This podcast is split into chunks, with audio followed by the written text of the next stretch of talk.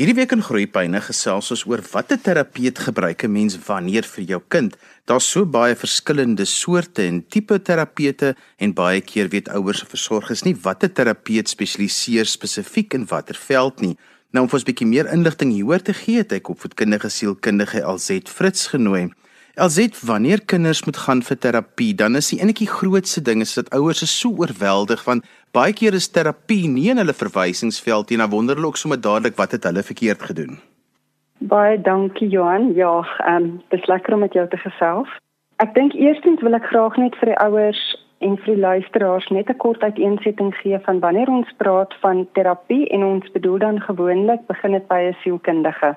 So ons kry opvoedkundige sielkundiges, kliniese sielkundiges, voorligtingsielkundiges, navorsing en industrieel en gewoonlik wanneer ons praat van kinders dan is die eerste roep 'n opvoedkundige sielkundige. En die opvoedkundige sielkundige se taak is op die ou einde om te kan vasstel wat is dit wat eintlik die probleem is in geval daar dalk wel 'n probleem is, soms is daar nie. En wat is die beste roete vir die ouers in die kortste moontlike tyd? Elsit want opvoedkundige sielkunde is baie lekker plek as 'n mens nie weet wat is die probleem? En nou baie keer dan sê juffrou die kind is woelig in die klas of die kind meng nie met die maatjies nie en niemand weet regtig waar die probleem is nie. Dan is dit altyd baie goed om by 'n opvoedkundige sielkundige te begin want opvoedkundige sielkundiges word baie wyd opgelei om oor 'n klomp aspekte eintlik vir jou 'n bietjie raad en leiding te gee en baie keer kan hulle ook amper vir jou die rigting waarin jy moet gaan heen wys. Wat baie keer begin 'n mens met 'n spesifieke terapeut en is eintlik die verkeerde punt om te begin. Dis heeltemal waar dat ons word opgelei in algemene kinderontwikkeling. So dit sluit in die assessering, die diagnostisering, skolasties, emosioneel, perseptueel, leerbelemmeringe, die intrinsieke en die ekstrinsieke, fakkiese loopbaanoriëntering en skolastiese sistemies. So dis 'n groot mond vol daai. So die eerste ding gewoonlik as 'n ouer uh, opvoedkundige sielkundige skakel. Vir daai eerste sessie is dit belangrik dat die sielkundige soveel as moontlik agtergrondgegevens kan kry. Die familiekonteks, sistemies, skolasties, die kind se ontwikkeling. Want dan kan ons al reeds 'n idee kry, is dit nodig om hierdie kind ten volle te assesseer? Want ons weet tyd is geld. En ons het nie meer daai luukse om dit net te mors nie en ons het ook nie vir ons kinders se onthaalwe die luukse om tyd te mors nie. So jou opvoedkundige sielkundige sal 'n baie deeglike onderhoud voer en dit help alreeds as die opvoedkundige sielkundige voor die tyd 'n bietjie inligting kan kry vanaf die ouers om te kan weet is hierdie 'n aspek wat ek dalk eerder na 'n arbeidsterapeute moet verwys veral in die geval van my jonger kinders want my kind wat dalk baie woelig is Daar kan 'n magdom redes wees hoekom 'n kind woelig is. Vanaf die feit dat 'n kind dalk sukkel om te slaap, want die neusie is geblok, die ore is geblok, daar sinusitis, die slaap word onderbreek. Die kind is met ander woorde um moeg en 'n moeg kind presenteer baie keer as 'n woelige kind. So so 'n kind gaan ek eerder na my arbeidsterapeut toe verwys of alternatiefelik na my spraak en my audioloog my spraakterapeut audioloog sodat hulle kan kyk is daar dalk 'n perseptuele uitval wat hulle dalk eerder moet aanspreek? Of is dit dalk eerder geval dat ek my kind moet stuur na 'n homeopaat of na die dokter toe om te gaan kyk op die fisiologiese vlak wat is daar wat aangespreek moet word? Ek dink dit is baie belangrik vir die lesers om te moet onthou. Ons kyk altyd eers na die fisiese liggaampie is daar enigiets fout met die fisiese liggaam voordat ons nog gaan kyk na kognitief en emosioneel en gedrag. Want as die liggaam nie lekker voel nie, dan gaan ek 'n kind kry wat allerlei ander simptome manifesteer. Elsie, kom ons praat geoor wat is die verskil tussen 'n opvoedkundige sielkundige en 'n arbeidsterapeut? Jou opvoedkundige sielkundige word opgelei in die domein van fisiologie, maar nie oor groot meerderheid fisiologie nie. So ja, dis deel van ons opleiding, maar saam met dit is dit dan die sistemiese invloede, die rol van ouers, ouerskap, skolasties, veral skolasties en leerbelemmeringe.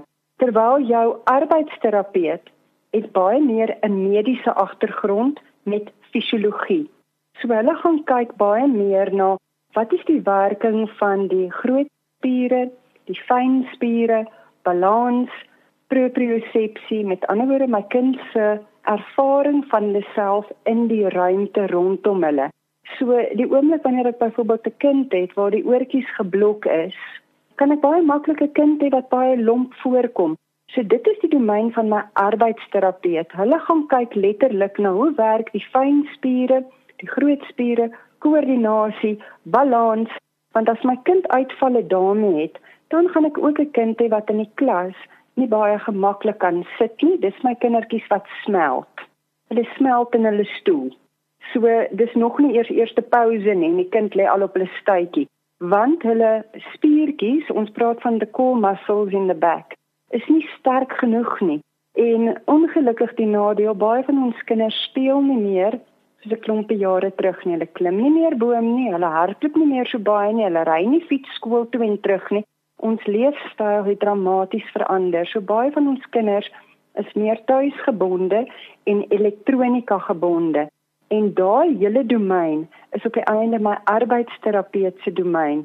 So as ouers my kontak en hulle sê vir my, hulle sit met 'n 'n jongerige kind, so ek praat van voorskool en selfs dan grondslagfase.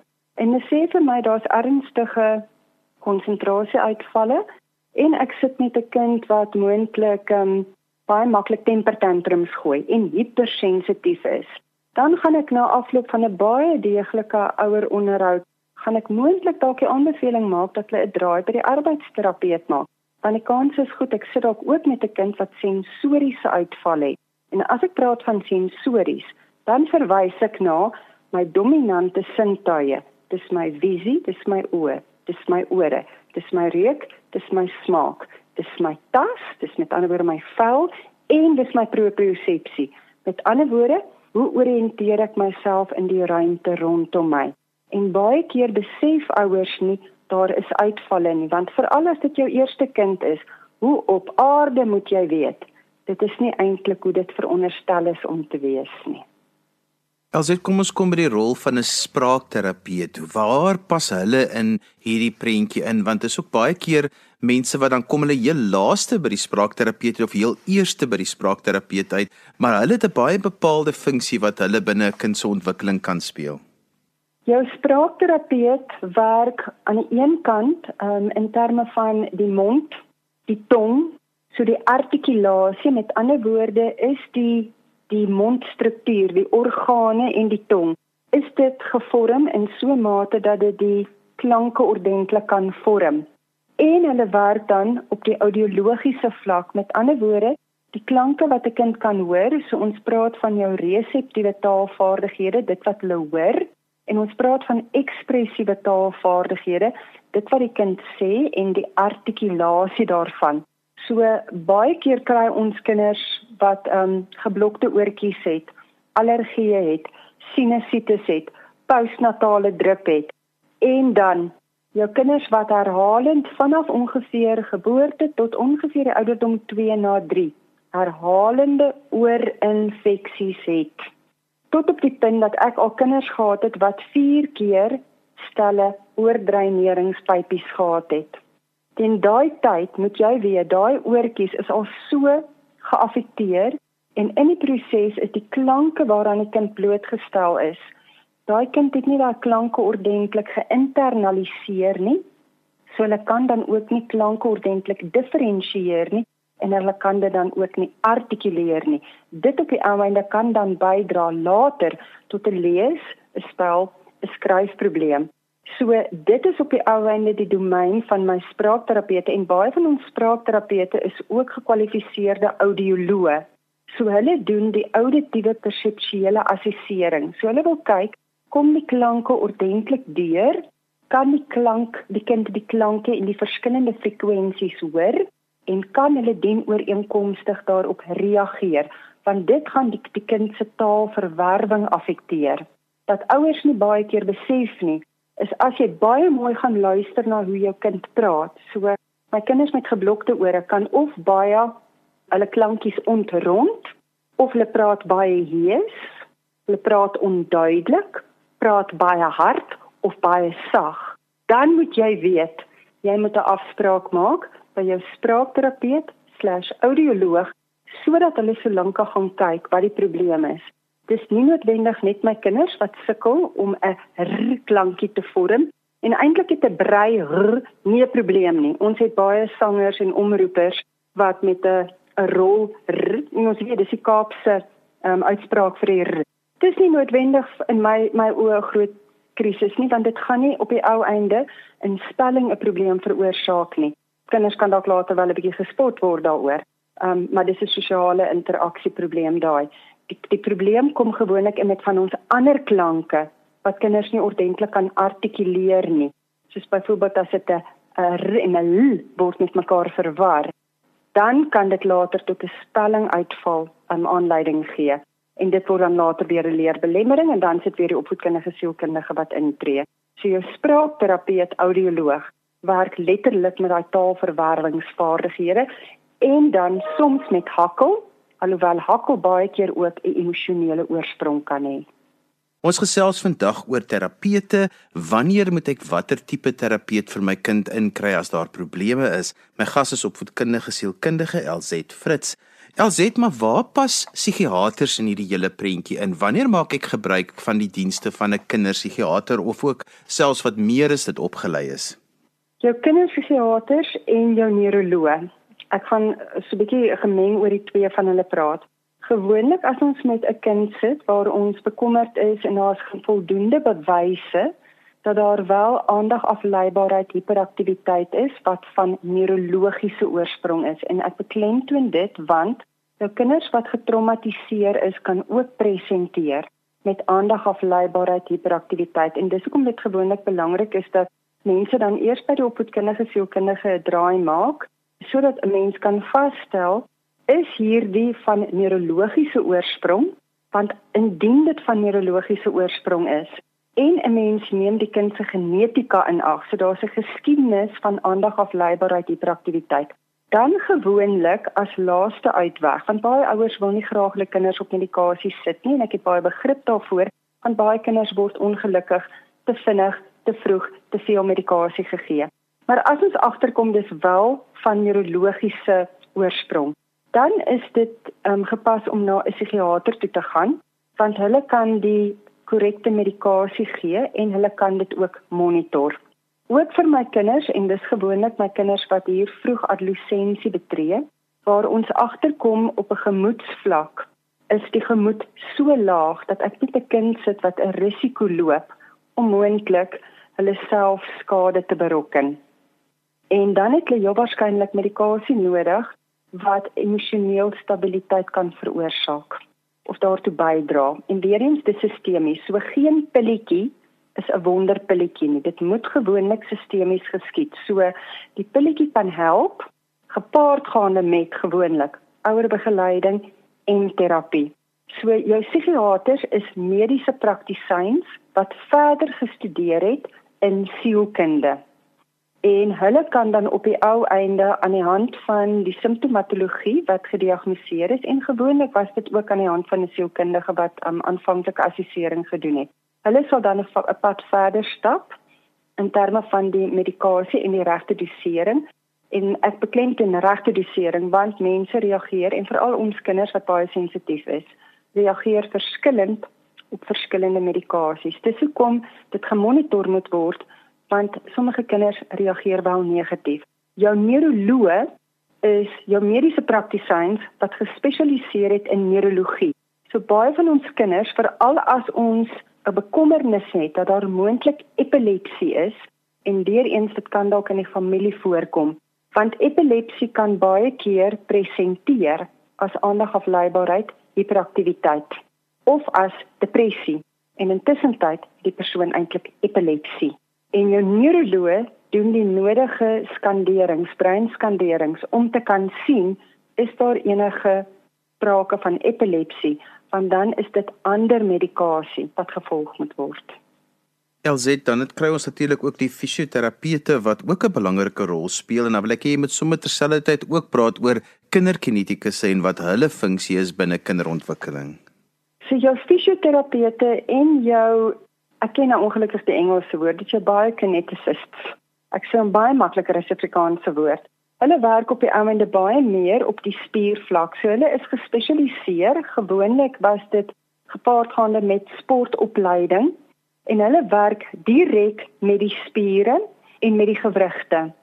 So vir my kinders wat byvoorbeeld te vinnig groei, my kinders wat baie aktief in sport is, daardie kinders sal gewoonlik na my fisioterapeute, my biokineticists verskoon maar. Hulle gaan baie beter met hulle kan werk want hulle verstaan op die ou einde wat is die samewerking in terme van die spiere, die gewrigte, die seunings, die tipe van uh, sportaktiwiteite waaraan 'n kind waarby 'n kind betrokke is en die oefeninge wat 'n kind gaan moet doen om hulle liggame te versterk.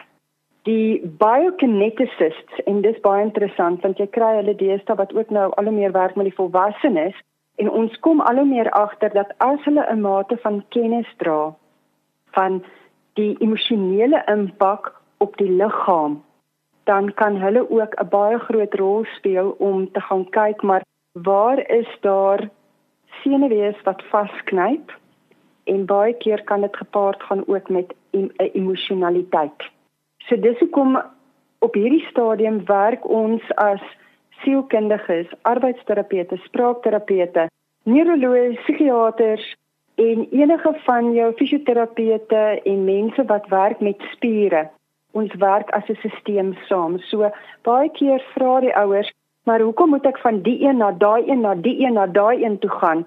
En as 'n mens vroegtydig moontlik by jou ehm um, opvoedkundige sielkundige 'n draai kan maak en dis nie noodwendig assessering nie, dalk net 'n konsultasie met 'n volledige onderhoud, dan kan 'n mens vroeg genoeg by die nodige kundiges uitkom. In sommige gevalle, in ekstreme gevalle, is meer as een deskundige nodig om die pad saam met daai persoon te stap.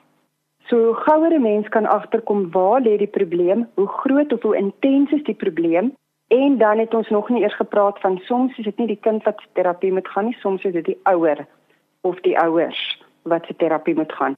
Hoe vinniger kan ons hierdie kind help sonder dat onnodige geld gemors word?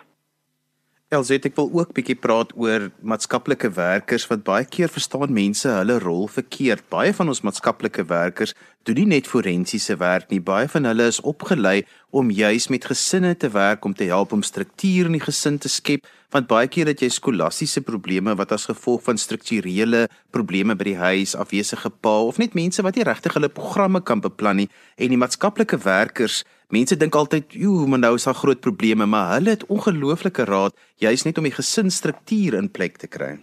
Want ek so bly jy na die um, verwys na die maatskaplike werkers, hulle en ons beraders. Nou ons beraders wat ook 'n honeursgraad het, maar ek gaan eers begin met die maatskaplike werkers. Ons maatskaplike werkers se opleiding is intens, baie breedvoerig, baie sistemies met die komponent vir die regsaspek. So die maatskaplike werkers, die groot waarde wat lê, is juis binne in daai gesinskonteks waar dinge begin skeefloop het. Vanaf 'n ouer wat te veel alkohol gebruik tot en met jou ouers met gesinsverbrokkeling of gesinsgeweld. En baie keer dink mense die oomblik wanneer 'n maatskaplike werker inkom, dan staan die risiko die kinders gaan weggevat word. Dit is nie meer die geval nie. Ons probeer en die maatskaplike werkers probeer op hierdie stadium verskriklik hard om die gesinskonteks die nodige ondersteuning te gee sodat die gesin weer funksioneel kan wees ter wille van die kinders en die volwassenes daarin. So as ons praat van ons ons um, gesinne waar die ouers deur 'n moeilike verhouding gaan tot op die punt van egskeiding, dan is ons maatskaplike werkers baie toegerus, baie bekwam veral in die ons praat van die parenting plan, die ouerskapsplan in terme van hoe gaan mens die pad verder stap sodat mens dalk by 'n egskeiding kan uitkom wat die minste inbreuk maak op die kind en op die gesin se algemene welstand en sodat ons juis nie meer die geval het soos in die verlede van een ouer wat al die toesig en beheer kry ten koste van 'n ander ouer bloot omdat die ouers nie van mekaar hou nie. En sodat kinders nog steeds daai toegang het tot 'n mamma en 'n pappa ongeag hoe mamma en pappa teenoor mekaar voel maar as dit 'n mamma en pappa is wat op die ou einde die kind se beste belang vir mekaar dra dan speel daai maatskaplike werker die rol om seker te maak dat die volwassenes by 'n punt kom om hulle eie emosies te reguleer ter wille van die kind se welbehae. Elsette dan ons laaste een ons tyd is so te sê verby, maar ons moet ook vir hulle lansie breek want hulle doen ongelooflike werk en die kinders is altyd so lief vir hulle. En dit is nog wat ons in die ou dae genoem het die remedierende onderwyseres, die hulpjuffrou wat vir kinders ook help met al hierdie dinge bymekaar bring en dan op die ou end dit te kan laat toepas wat in die klaskamer gebeur baie belangrik. Mynsinsiens behoort daar een by elke skool te wees, want dit is die tande wat op die ouene vir die kind gaan help met daai algemene skolastiese werk, die lees, die skryf, die spelling, die wiskunde, die leerstrategieë. En baie keer is dit taak eintlik om, om vir die kind 'n groter gevoel van selfvertroue te gee, daaglikse ondersteuning, klein bietjie huiswerk opdraggies sonder dat dit voel soos nog meer skoolwerk. So hulle begelei ook vir die ouers om skool op die ouene vir 'n kind weer lekker te kan maak. Elsie, ek kry baie ouers wat altyd vir my vra, hulle het nou hierdie oproep van die skool af gekry, waar begin ek? En my antwoord is maar altyd ek kan dit sê, mens begin die pad by 'n opvoedkundige sielkundige wat dan die gom is tussen al hierdie terapete en wat jy dan die maklikste by die eerste hulp gaan uitkry en dit is want juis omdat ons soos gesê het opvoedkundige sielkundige so wyd opgelei is om te weet maar wat is nodig vir 'n kind op watter tyd en baie keer word die opvoedkundige sielkundige dan vir my die konsultant in hierdie terapieproses. Ek stem heeltemal met jou saam en hier wil ek net vir die die lesers verduidelik, 'n opvoedkundige sielkundige, 'n kindersielkundige, 'n skoolsielkundige is almal dieselfde ding. Ons is eintlik opvoedkundige sielkundiges, dis ons kategorie en die ouers het die reg om vir die opvoedkundige sielkundige vrae te vra in terme van wat gaan hierdie proses behels? Is 'n assessering nodig? Wat is die proses wat verder gevolg gaan word? En dit is nie altyd nodig dat ons 'n volledige assessering hoef te doen nie. So ouers het daai reg om die vrae te vra sodat die opvoedkundige sielkundige vir hulle die nodige begeleiding kan gee, vinnig genoeg die nodige intervensies kan gee en dan net ons beraders wat hulle honeursgraad het en wat met ander woorde baie gepas en toegerus is om probleme aan te spreek wat hier en nou probleme is. Dis met ander woorde nie noodwendig jou groot omvattende probleme met langtermyn geskiedenis nie, maar vir jou kind wat dalk deur 'n korttermyn krisis gaan ons beraders daar is van net so groot waarde. Elsie, as mense met jou wil kontak maak, hoe kan hulle dit doen? Hulle is meer as welkom om vir my 'n e e-pos te stuur.